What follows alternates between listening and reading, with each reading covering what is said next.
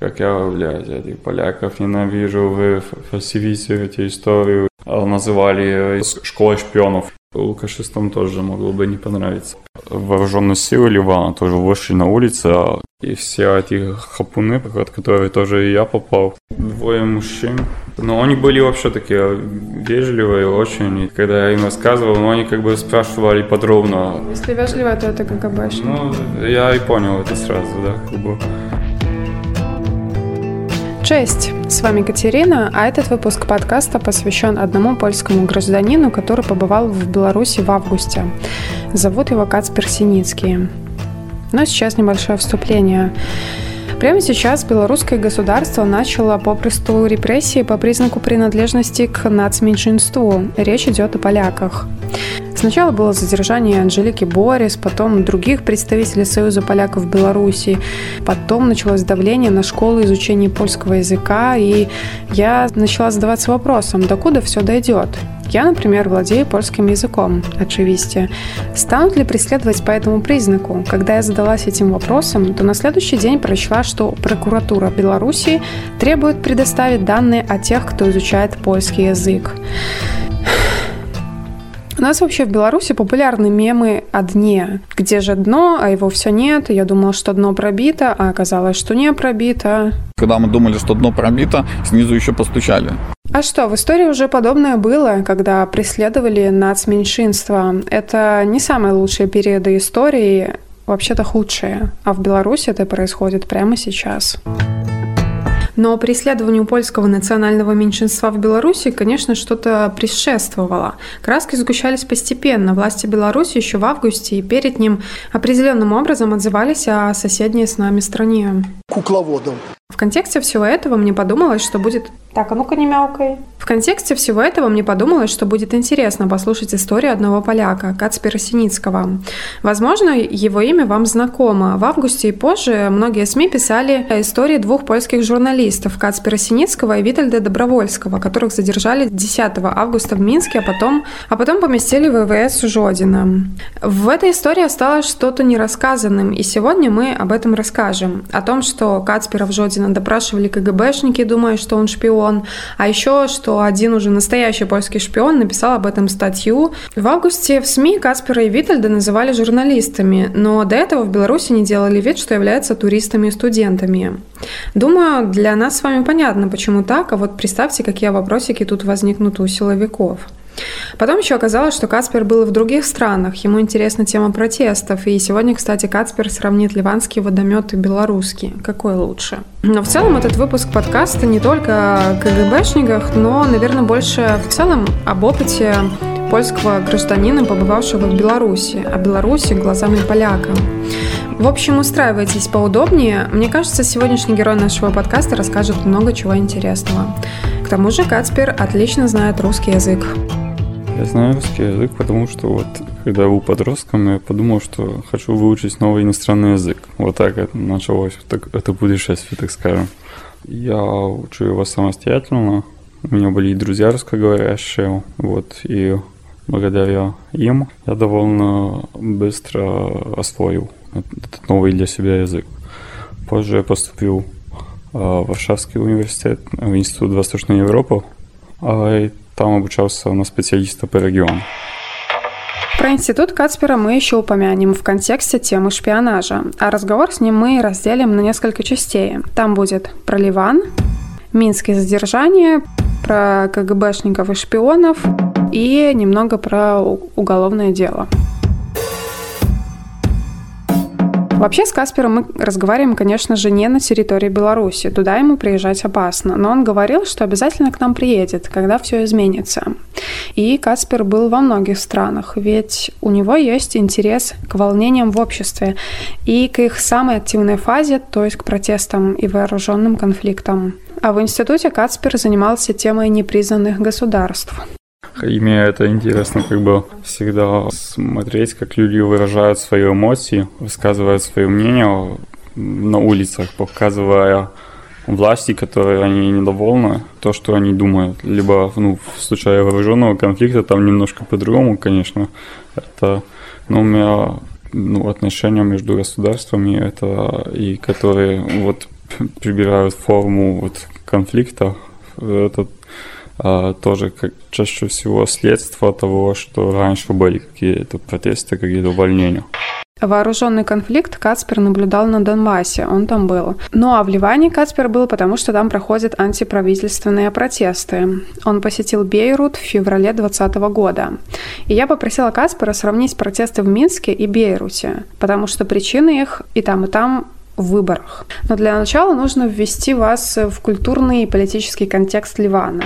Ну, проблематичная ситуация связана с государственной системой, которая ну, опирается на религиозной системе, ну, то есть на сектарианской системе, где все вероисповедования, у них уже заранее определенное количество мест в парламенте. И это можно сказать, что там создалась некая олигархия, то есть и христиане, и христиане тоже делятся там на разных. Э, есть и армяне, есть и христиане марониты, есть и, и мусульмане сунниты, мусульмане шииты, еще друг, много других фракций. Еще есть э, вопрос палестинских беженцев, которые уехали за последних там несколько десятков лет, то есть с начала войны в, ну, в Палестине с, с Израилем.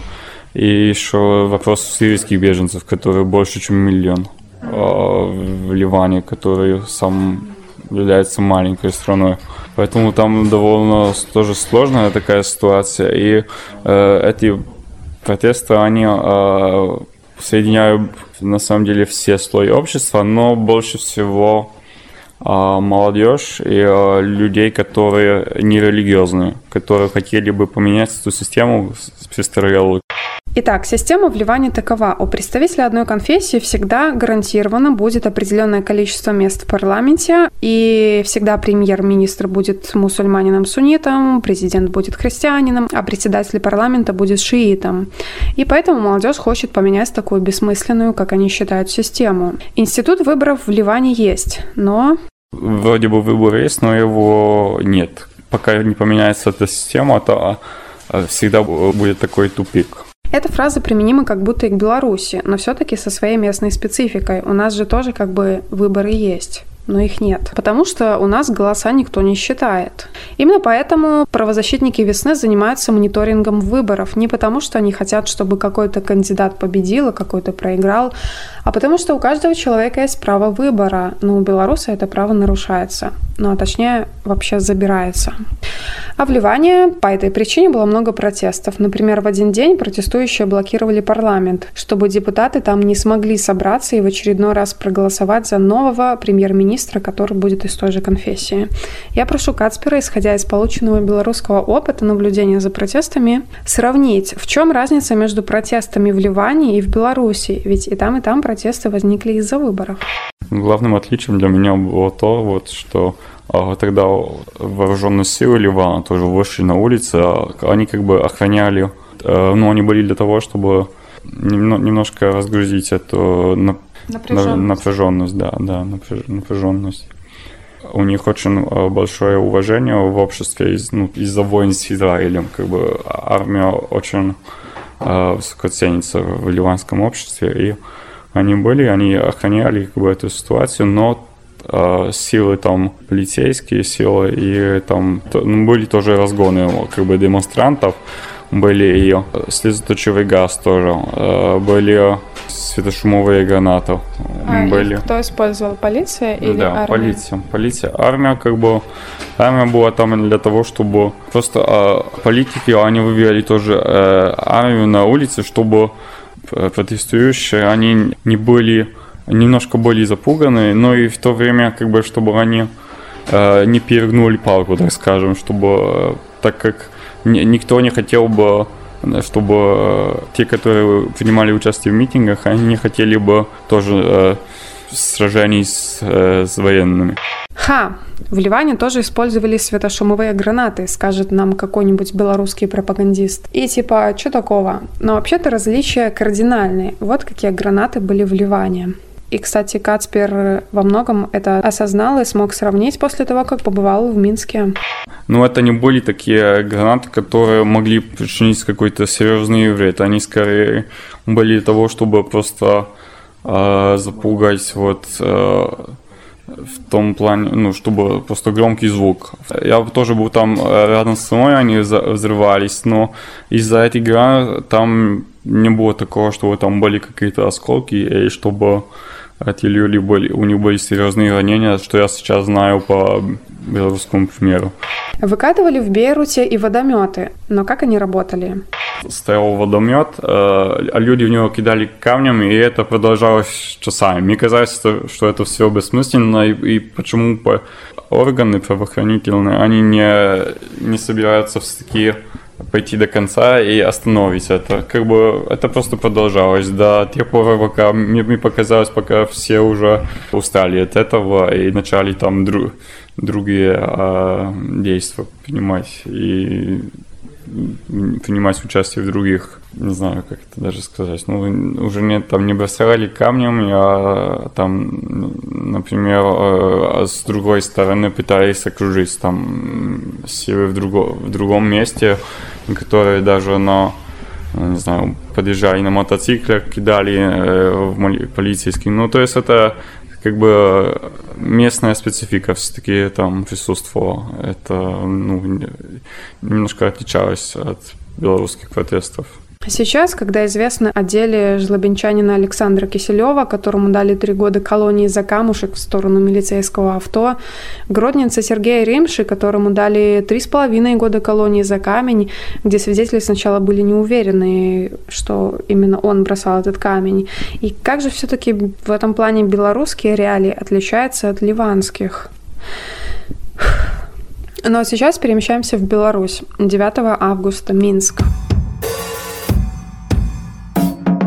Было такое, ну, чувство, лю- есть сплоченность людей, которые вышли просто высказать свое не- недовольствие, и все ждали, что будет дальше, какие будут действия э, силовиков. И вот когда начались при- применять и вот э, слезоточивый газ, э, резиновые пули, светошумовые гранаты, люди э, ну, ну, уже не, не, не были одним большим собранием, а начали как бы лица меньшей группы в попытку просто убежать от ранений и убежать потом тоже от задержаний, которые спустя время уже активно применялись в тех местах, где люди были в маленьких группах.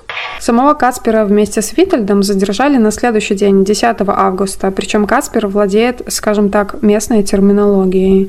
И все эти хапуны, под которые, под которые тоже и я попал, случайных людей. Каспер не ожидал, что случайных людей в Минске начнут задерживать. Он ведь был 9 на стеле и тогда смог избежать задержания. Он в других странах был на протестах и вроде бы опытен. Но белорусские силовики тут всех переплюнули. Наверное, эффект неожиданности всегда достигается, когда внезапно и очень грубо нарушаются твои права. Ты этого никогда не ожидаешь. И в этом силовики Беларуси, конечно, профи.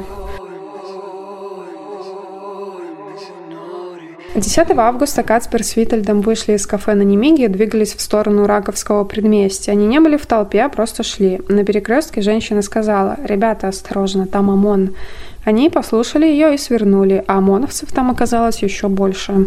В тот момент мы даже не и не думали, что пытаться убежать и так далее. Мы вообще, ну, просто шли по улице, не, не чувствовали себя никак не виновными чем-нибудь. Вообще не знали, какие могут быть претензии к нам. Мы даже как бы не особо высаясь глаза.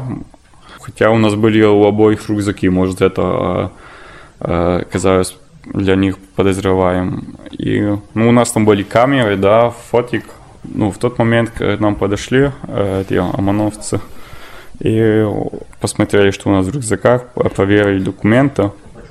И после того, даже когда оказалось, что мы иностранные граждане, они пошли с нами в бусик. И там хотели, чтобы я разблокировал телефон. Э, я этого не сделал. Спрошу, а почему они так, э, почему они вообще нас забрали в этот буфик, в чем проблема. Там никаких ответов я не услышал на эти вопросы. И вот мы просто подъехали к автозаку. С нами было тоже несколько человек еще в бусике. И меня ввели на улицу, потом, э, ну, ну, меня запихнули в автозак, и там начали меня избивать, моего друга избивали, еще избили э, в бусике. Насколько я знаю, он потерял сознание в тот момент, момент так мне рассказывал. Ну а дальше было Фрунзенское РУВД, одно из самых жестоких, по моим наблюдениям. Нам очень много людей рассказывало о том, что там было. Этот опыт, пусть не прозвучит цинично с моей стороны, но он, наверное, помог Кацперу пополнить свой словарный запас. Мы там э, лежали мордой в пол, как они говорят. После этих событий, будучи наслышанной о том, что все искали двух польских журналистов, я разговаривала в рамках документирования истории людей, пострадавших от действий силовиков, с Владимиром Погарцевым. И тут он внезапно в своем рассказе вспомнил про двух журналистов. И мне этот момент очень запомнился, особенно в контексте того, что с Каспером через пару месяцев я познакомилась лично, поэтому я решила вставить кусочек его рассказа. Ну, получается, там лежали лицом в пол, тоже все в наручниках, а, весь спортзал, ну, все закованные. А, там, искали корреспондентов, там был точно польский какой-то. Жур... Э, я не помню, там что-то, какая-то фамилия на... А если она на Б. Да. Каспер Синицкий и Виток Добровольский. Добровольский. Он был во Фрунзенском Да. Помним, что Витальд Добровольский был вместе с Каспером. И почему кричали фамилии двух поляков? Кто их искал и для чего?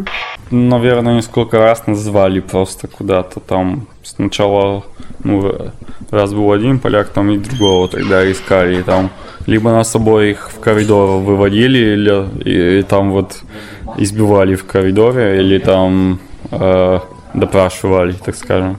И еще я спросила у Каспера, было ли какое-то специальное отношение к ним по причине того, что они поляки. Каспер просто процитировал ОМОНовцев. То есть мы слушали вот как я, блядь, этих поляков ненавижу, вы фальсифицируете историю и там другие, вот в Европе вы такие, такие, ну там просто, ну это как бы на основании того нашего происхождения, да, но на самое отношение как бы мы точно в тех же позициях должны были несколько часов держаться, как и другие. Нас также избивали дубинкой, нас также вводили в коридор, нас также снимали на камеру, заставляли подписывать фальшивые протоколы, поэтому, мне кажется, у нас всех похожая ситуация была, которые находились в то время в РУВД. Сделаем небольшую паузу. Наверняка вы, слушатели этого подкаста, не смотрите гостелевидение, но представляете, какая там повестка. Оголтелое поведение Польши. Мы видим кукловодов. Как это работает? На верхах создается образ поляков, госсми это тиражируют, а на низах это предопределяет поведение силовиков. По сути, это разжигание ненависти. А еще, кстати, мне было довольно интересно открыть для себя, какие советы даются на гостелевидении. Польские мужчины непостоянные. Сегодня говорят одно, завтра другое, а делают вообще третье. Белорусской женщине нужно быть осторожной с поляком. Это про нас, конечно. Во мы даем. Это вот не хотелось бы. Ну, последняя вставка, конечно, из Урганта была. Вот еще одно воспоминание Каспера из РУВД, которое меня заинтересовало в контексте КГБ. Вот пришел какой-то важный человек такой, э, заметно было. В гражданской одежде, в да, обычной. Да. И вот он, вот он там ругал всех, которые, вот мы были, вот эта третья пересменка, они были самые жестокие. И эта позиция тоже была такая, э, ну, самая неудобная, и тяжело было в ней э, держаться там до какое-то время. А вот если кто-то не, не смог это сделать, э, он получал. Вот, э, поэтому эта третья пересменка, она была такая, ну, ну, это было когда тоже лицом в пол и на коленах. И если кто-то там не смог, то он получал. Вот. И, и тогда вот, э, когда мы были в этой позиции, вот пришел такой в гражданской форме, такой, ну, лет 50-60 примерно, и он ругал всех, вот вы разрушаете город, э, твари и так далее, и там, что э, сначала заставлял извиняться, да, а потом э, спрашивал, кто, кто легитимный президент Беларуси, а потом и кто самый лучший президент в мире, и заставлял всех кричать, вот, Александр Георгиевич, да, да, и так далее. Ну, вот, вот я тогда чуть не рассмеялся в голос, это настолько абсурдно мне казалось все. Да, вот. Ну вот пришел такой человек, и потом даже искал его, может это был какой-то там, не знаю, начальник РУВД и так далее, но это, кажется, из немножко, может, там еще выше каких-то Может быть, КГБшник? Возможно. А, Тут мы не уверены, был ли это действительно КГБшник. В этом почти никогда нельзя быть на 100% уверенными. КГБшники, они такие, типа скрытные. А, Кстати, шестой выпуск нашего подкаста был посвящен тому, как КГБ за нами следит. А герой 11 выпуска подкаста рассказывает в том числе о том, как к нему в военный госпиталь приходили КГБшники и угрожали ему. А Каспера с Витальдом после Фрунзенского РУВД отправили в ВВС города Жодина. Они сидели в разных камерах, но их обоих вызывали на допрос. КГБшники. Ну, правда, они тоже не представлялись, но это вот прям... Я уже уверена, что это были КГБшники. И как же это было? Двое мужчин, 50-60 лет? Нет, моложе, ну, там 40 лет, ну 45-45 примерно. Тоже в обычной одежде, не в форме. Да, да, не в форме никакой. И они а, не представлялись? Нет, но они были вообще такие вежливые очень и такие прям, когда я им рассказывал, ну они как бы спрашивали подробно. а, Если вежливо, то это КГБшники. Ну, я и понял это сразу, да, как бы.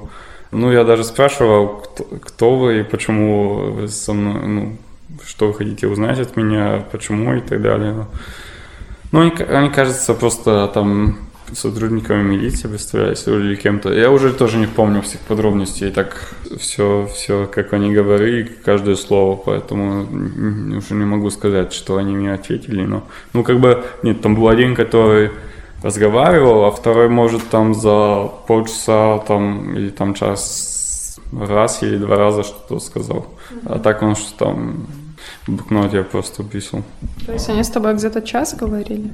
Ну, полчаса, час, мне так кажется, что такое. И можешь ли ты там восстановить, вспомнить, о чем они спрашивали?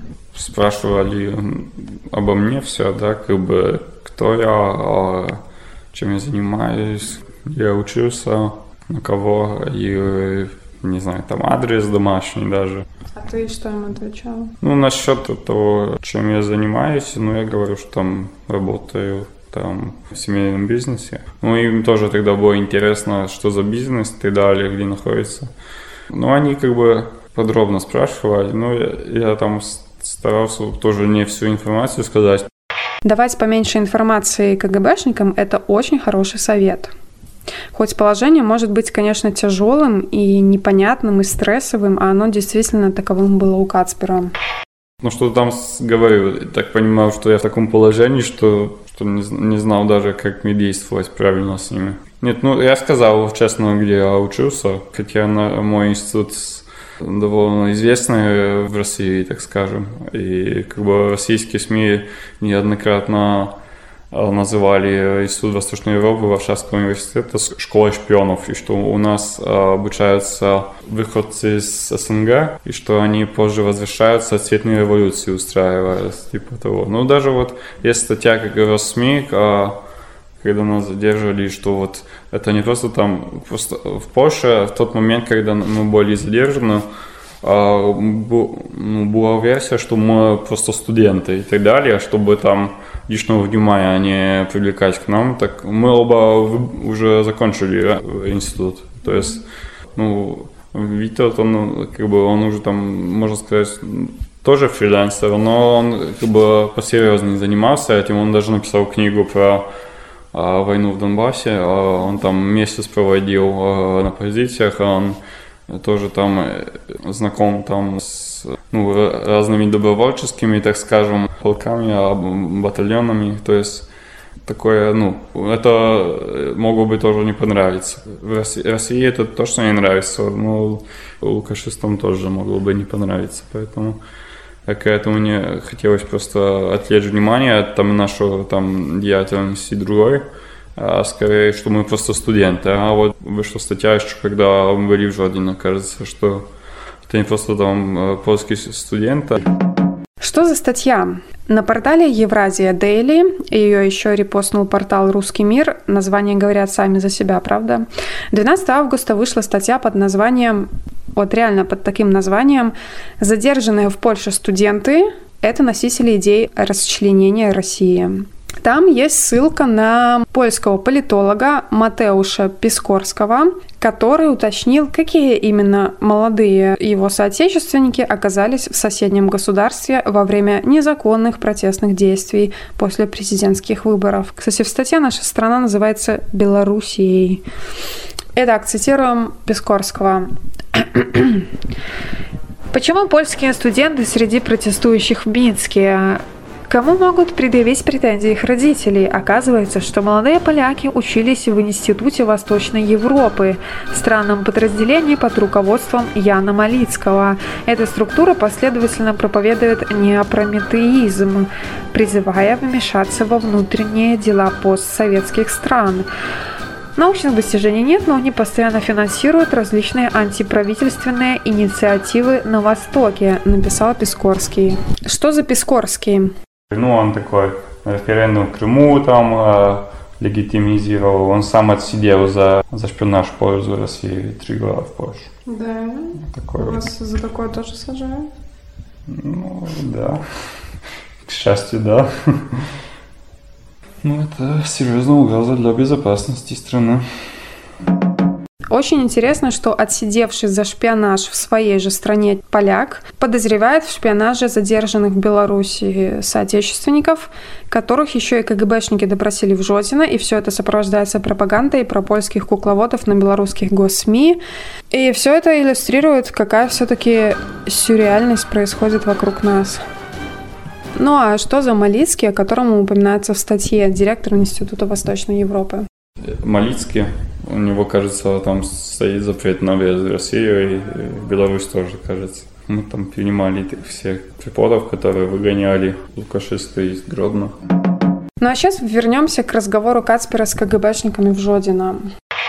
Но они, получается, поняли, что ты закончил этот знаменитый вуз, который поставляет а, людей, которые делают цветные революции.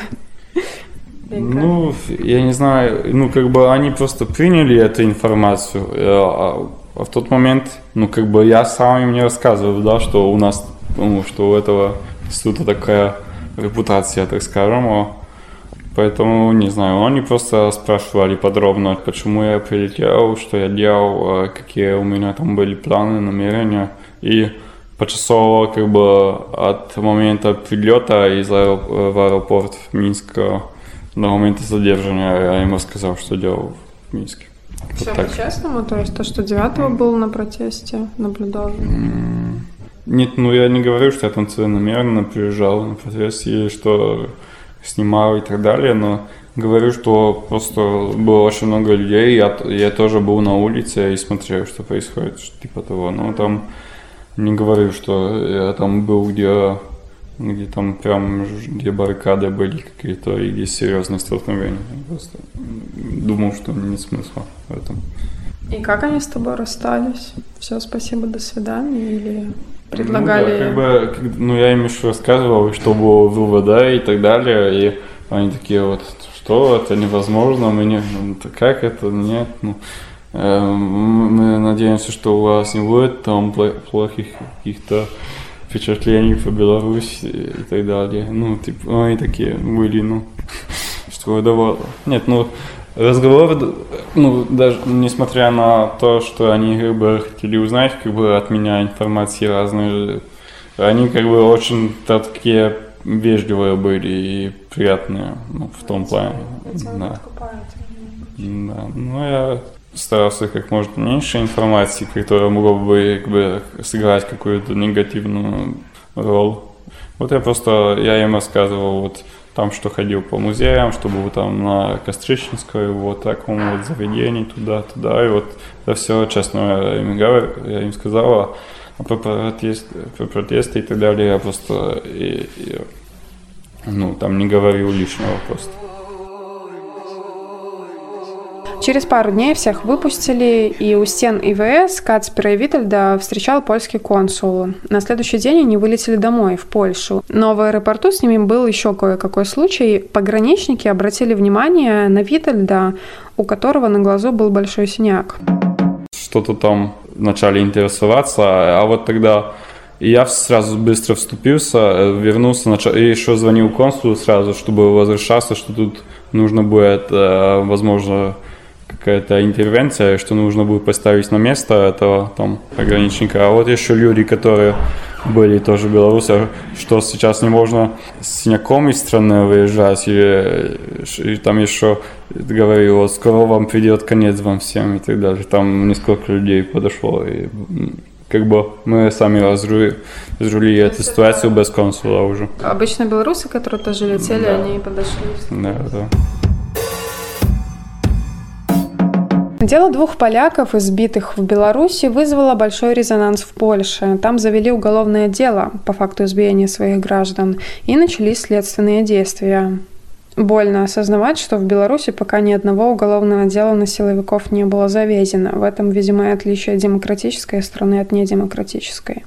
Ну так вот, в Польше в рамках следствия по этому делу допрашивали и в том числе бывших белорусских силовиков.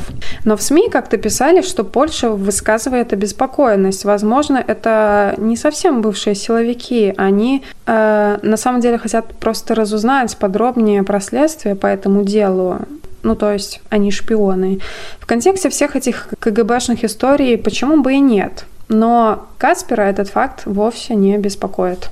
Я не исключаю возможно, возможности того, что режим пытается заслать в Польшу разных там своих шпионов, так скажем. Но мне кажется, что, ну, что эта власть настолько прогнила и настолько тупая, что они не способны наш причинить какой-то серьезный вред ни то Польше, ни фондам белорусским, которые работают в Польше, и другим белорусским организациям, которые сейчас на вынужденной эмиграции. Они слишком тупые для этого и непрофессиональные. Помним, что КГБшники говорили в Жодина Гасперу «Надеемся, у вас не останется плохих впечатлений о Беларуси».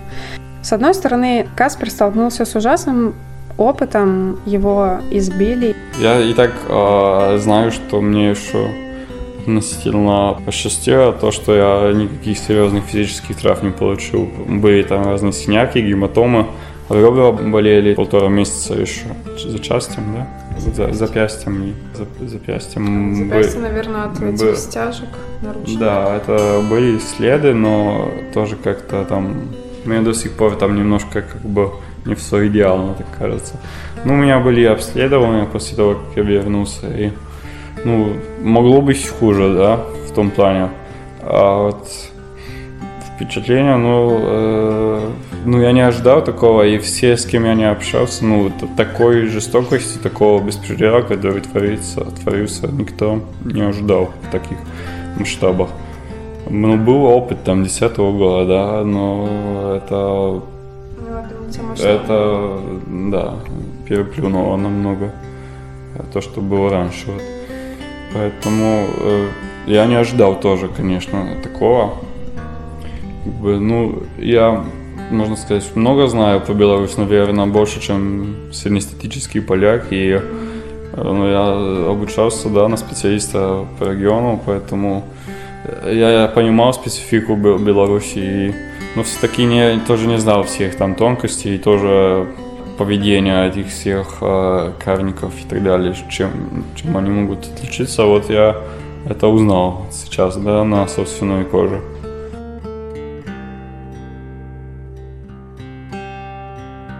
С другой стороны, Каспер с теплотой вспоминает о своей камере в Жодино и о тех людях, с кем он там сидел. Была хорошая атмосфера, у нас всех камера солидарность, мы все, по познакомились друг с другом, общались активно и искали какие-то варианты для развлечения времени и в нашей как бы, плохой ситуации, в которой мы находились. Ну и нам, у нас это получалось. И э, мы просто, э, ну, тогда Вот.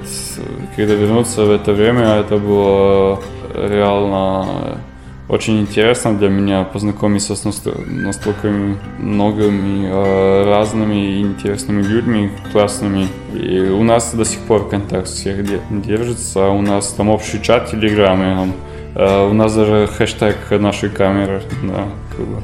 Журнал 26, ожидайте. Вот так называется. Мы 26-й камеры были, и так как нам постоянно говорили, ожидайте на все вопросы. На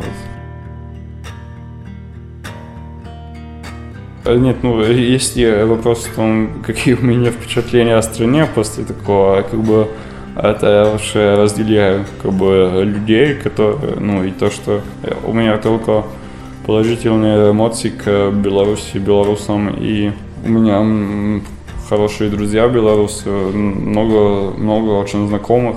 Сейчас уже их сотни после моей работы в Белорусском доме. Э, поэтому как бы я вообще разделяю ну, Беларусь, как Беларусь и э, режим Лукашенко и его действия, и его, всех цепных псов. После того, как Кацпер вернулся в Варшаву, он выступил на одной из акций поддержки белорусов. А в Польше акции, конечно же, не запрещены. Там его заметили и пригласили работать в белорусский дом в Варшаве, который помогает репрессированным белорусам. Так что Каспер сейчас помогает белорусам, тем, кто потерпел от режима, от того режима, от которого Каспер тоже пострадал. Хотел бы поблагодарить и Весну, и, и всех других людей, причастных к работе с людьми, которые пострадали от режима так как я знаю, что ваша работа тоже э, помогла установить и все о том, где мы находимся и так далее, и что это э, помогло очень многим людям. И я благодарен за это вам и, и всем, кто занимается тем важным делом во время э, революции. А этот выпуск подкаста подходит к завершению. И я очень надеюсь, что скоро мы будем жить в стране, которая не будет репрессировать ни своих граждан, ни чужих граждан, не будет преследовать свои национальные меньшинства и говорить по гостелевидению, что белорусским стоит быть осторожнее с поляками, не будет видеть врагов среди соседей и прекратит эти КГБшные пляски с подозрением в шпионаже польских граждан. Надеюсь, скоро всему этому будет конец. А выпуск я решила завершить э, песней польской группы «Контрола ВО», «Контрола Владзы», то есть э, «Контроль власти». Песня под названием «Бенди конец», «Будет конец». Мне это показалось довольно символичным. Ну а еще это моя любимая песня. Всем пока! Будьте против репрессии.